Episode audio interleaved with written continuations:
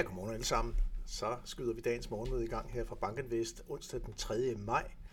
Først og fremmest lige igen et lille stykke reklame her. I morgen der har vi nemlig fornøjelsen af at have Anders Isse og Christian Meier sammen med os.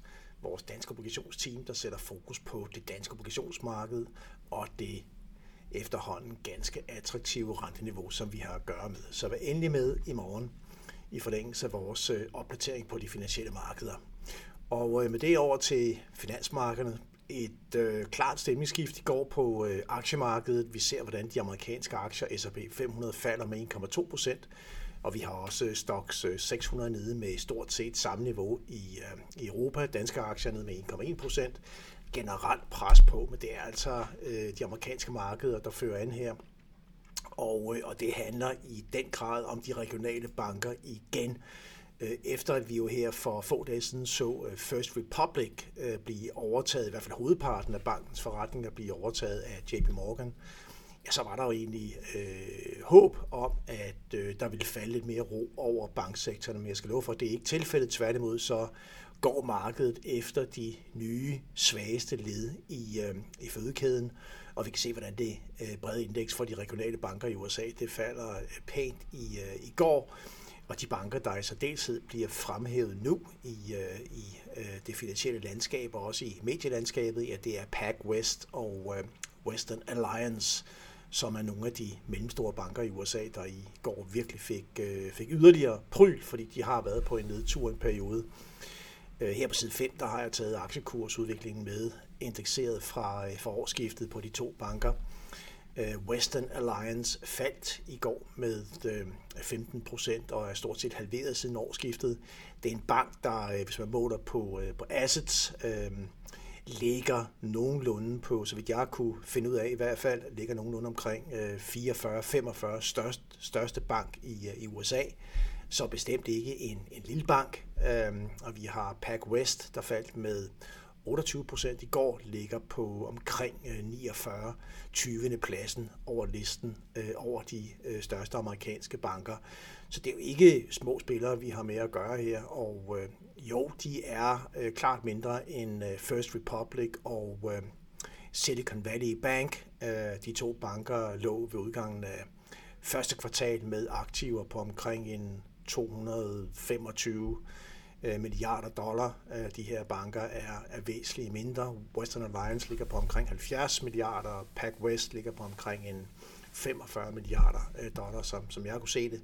Så, så de er jo væsentligt øh, mindre end Silicon Valley Bank og First Republic, men det ændrer ikke på, at, at det, er, det er ubehageligt at se det her pres i, øh, i den regionale banksektor. Det er tydeligt at se, at, øh, at markedet, det gælder både indskyder og likviditets, almindelige konto, haver og også øh, aktieinvestorer, ikke mindst øh, shortsellers, øh, går hedgefond går efter at identificere banker, som har en, øh, en dårlig, øh, hvad man kan sige, dårlig asset liability øh, struktur på øh, liability-siden, altså på indskydersiden, på deposit-siden, der handler det om at se øh, på, på banker, som har en, øh, en høj øh, indskyder koncentration, som har en, øh, en stor andel af øh, indskud, der ligger øh, over de garanterede 250.000 dollar.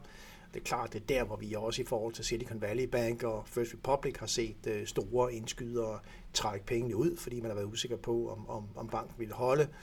Og når man kun har øh, fået forsikret 250.000 dollar i USA, det er det, der er jo er, er indskydergarantien, ja, så, så er det klart, så står man med en væsentlig øh, risiko på, på den øvrige del.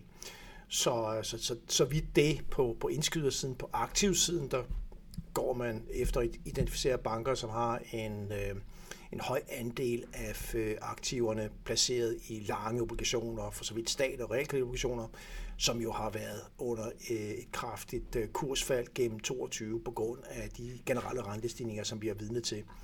Og øh, altså det vi jo så i forbindelse med for eksempel Silicon Valley Bank, øh, som var den første signifikante bank, der, bank, der virkelig begyndte at, at komme i problemer, det var jo, at banken var, var nødt til at gå ud og realisere nogle af de øh, kurstab på gå ud og sælge nogle af aktiverne for at skabe likviditet til at kunne honorere de indskyder, der trak pengene ud på den anden side. Så altså, det er jo en, i bund og grund en, øh, en, en dårlig øh, risikostyring, en dårlig renterisikostyring, som, øh, som, som vi har set på, på de banker, som er øh, gået ned, og, og det, er jo, det er jo de skævheder, som man nu øh, forsøger at identificere. I går var der altså så PacWest i særdeleshed ned 28 procent og er faldet omkring 70 procent over til dato.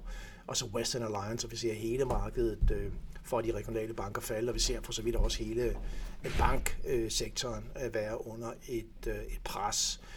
Uh, nu må vi se, hvor, øh, hvor galt det går. Uh, det fik mig til at tænke på vores uh, heldinde, hvis man kan sige det sådan, Janet Yellen, som jo tilbage her, øh, jeg har taget et billede med, hvor hun ser noget bekymret ud tilbage fra øh, Financial Times den 22. marts. Der er hun nemlig ude at sige, øh, at, at ja, som finansminister at det hvide hus altså ikke har tanker om at udstede en bred blanko-check, en bred garanti til øh, bankindskydere, øh, kontohavere i det brede amerikanske banksystem.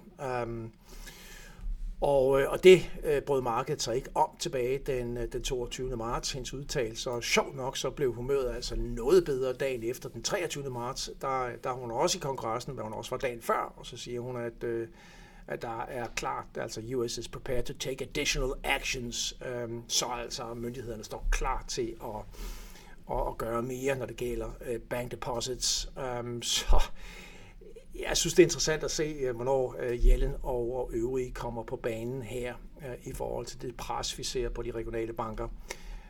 Um, jeg tror, der er behov for i, i sektoren her, at, at der kommer lidt komfortskabende kommentar i, igen. Lad os se. Øhm, vi har jo fedtmødet i dag, og, og, det, og det er jo oplagt, at Centralbanken i USA går en, en temmelig svær balancegang her. Vi får se, hvad der kommer. Øh, USA, øh, renterne falder selvfølgelig på det pres på aktier. Det gør de også i Europa i lidt mindre grad. I USA der falder den 10-årige rente i går med 14 basispunkter, og vi kommer ned på 3,42. Øh, og vi ser, hvordan den 2-årige rente, de kortere renter, falder noget øh, kraftigere. Det, der er sådan svigtende øh, ja, tro på, at Fed øh, nu også sætter renten op. Vi vil gå ud fra nærmest 100% sandsynlighed for en renteforholdelse på 25 basispunkter til nu øh, 87 procent, øh, hvis man kigger på data ifølge Bloomberg, forvent sandsynlighed for en renteforholdelse på 25 basispunkter, når Fed melder ud her i, øh, i aften. Det skal jo blive rigtig interessant at se Pauls presse, pressekonference også. Vi ser renten i Danmark tækker også lidt ned. Vi har en 10-årig dansk statsrente nu på omkring 52 procent var op og vende 3 procent her for nylig, så vi ligger jo en, en godt 40 basispunkter lavere end, øh, end rentetoppen. Øhm, så der er altså den her tydelige sammenhæng mellem pres og usikkerhed i, i aktieuniverset, øhm, delvis kredituniverset og, øh, og bedre toner på de mere sikre havne, nemlig statsobligationerne i de højt rated lande. Datamæssigt, vi har jo altså også ECB-mødet her på, øh, på torsdag, og øh, der fik vi netop inflationstal ud fra eurozonen som helhed i går. Vi ser, hvordan det samlede headline CPI kom ud på øh, 7%, øh, så godt som, som uændret, marginalt højere 0,1 og som forventet. Vi ser, hvordan core CPI, vel at mærke, falder til 5,6. Det er altså også bare marginalt lavere end de 5,7, vi lå måneden før, og som ventet. Så ikke de store overraskelser, men tallene som helhed vidner jo om, at vi stadigvæk har alt for høj inflation i euroområdet. Vi ser, hvordan det samlede øh, CPI, det får vi tal vel at mærke, men det samlede CPI stiger 0,7 procent på måneden, øh, og det er en alt for høj øh, kadence, som, som vi har, har med at gøre. Så altså ECB er selvfølgelig også under pres for at stramme pengepolitikken yderligere og kommer vel nok med, med 25 basispunkter her på, på torsdag. 50 basispunkter er ikke en umulighed, men må det ikke 25 basispunkter er det mest realistiske. Øhm, og det er en svær balancegang også for ECB, fordi vi har et pres på, på økonomien, i hvert fald på udvalgte dele af økonomien, og også i euroområdet. Vi fik netop også offentliggjort det seneste Bank Lending Survey, kvartalsvis survey fra, fra Eurozonen fra ECB i går, og øh, det viser altså, at der er en, en høj andel af banker, som, øh, som strammer øh, lånestandarderne, som sænker øh, udlånene, som, som ser lavere udlån. Øh, vi er oppe på netto 27 procent af bankerne, der sænker udlånene, og øh, det er ikke de peaks, øh, vi, øh, vi så under for eksempel finanskrisen øh, eller statsgælds- og, og lånekrisen, statsgælds- og bankkrisen tilbage i 2010-12, men, men vi er ved at komme højt op, og vi kan se, hvordan virksomhederne på den anden side i den grad har sænket efterspørgselen efter lån, der ligger vi rigtig, rigtig lavt.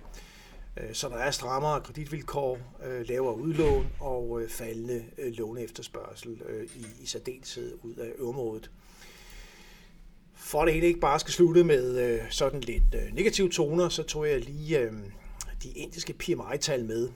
Vi fik senest her service PMI til morgen. Vi har lige fået det offentliggjort ud af, Indien, og det brager altså op på, på 62 indisk service PMI og indiske manufacturing PMI ligger altså også op på 57,2. Øh, Indien er i, i den grad en serviceøkonomi. Industrien fylder også noget, men, men det er overvejende service, der, der driver indisk økonomi frem. Og, øh, men anyway, altså de her to PMI-indeks vidner bare om, at vi har at gøre med en, en indisk økonomi i rigtig, rigtig fin øh, fremgang. Og forventningerne er vel omkring en 6, i hvert fald 6% vækst i år i, øh, i Indien. Og øh, jeg noterede mig også øh, i går, der IMF er ude og opjustere øh, de økonomiske prognoser for hele øh, Asien-regionen. Øh, det handler øh, både om Kina og Indien og, og også andre lande, der er virkelig øh, en, øh, en gryende øh, optimisme og, og, og vækstfremgang i øh, ud over store dele af Asien, og det er jo altså en, en tungvægter i den samlede globale økonomi. Så vi er udfordret i Vesten. Øh, der er klart bedre toner i, øh, i Østen, øh, og det er jo den kompleksitet, som, som, øh, som verdensøkonomiens øh, gang og udvikling udfolder sig i. og det er også det, der, der gør det egentlig ganske vanskeligt at, at spå omkring, hvor står vi om, om 6-12 måneder, fordi vi har virkelig den ene motor, der kører, eller flere motorer, der kører rigtig godt, øh, fremad, og, og andre motorer, primært Vesten, som, øh, som står mere øh, stille i øjeblikket. Men lad os se, hvad der sker. Det er i hvert fald, som altid, meget spændende tider på finansmarkedet. Vi har her til morgen øh, lidt plusser på de vestlige aktiefutures igen. Særligt DAX op med en halv procent øh, kommer så efter øh, tabet i, i går. Øh, S&P 500 op med 0,16 procent lige nu og en stabil amerikansk rente. Interessante tal i dag. Vi får ISM Service og vi har også ADP Payrolls beskæftigelsestallene, som øh, kommer fra en privat leverandør, og det er optakten til de jobtal, vi får her på fredag, som altid øh, følges med stor spænding. Og så er der altså fedt med i aften, plus 25 basispunkter, stort set forventet, men lad os se, hvad der kommer, og hvilke udmeldinger Fed kommer med. Og med det, så skal I have tak, for at I var med. God dag, og vi er tilbage i morgen tidlig, som sagt, også med fokus på det danske obligationsmarked. Tak for nu.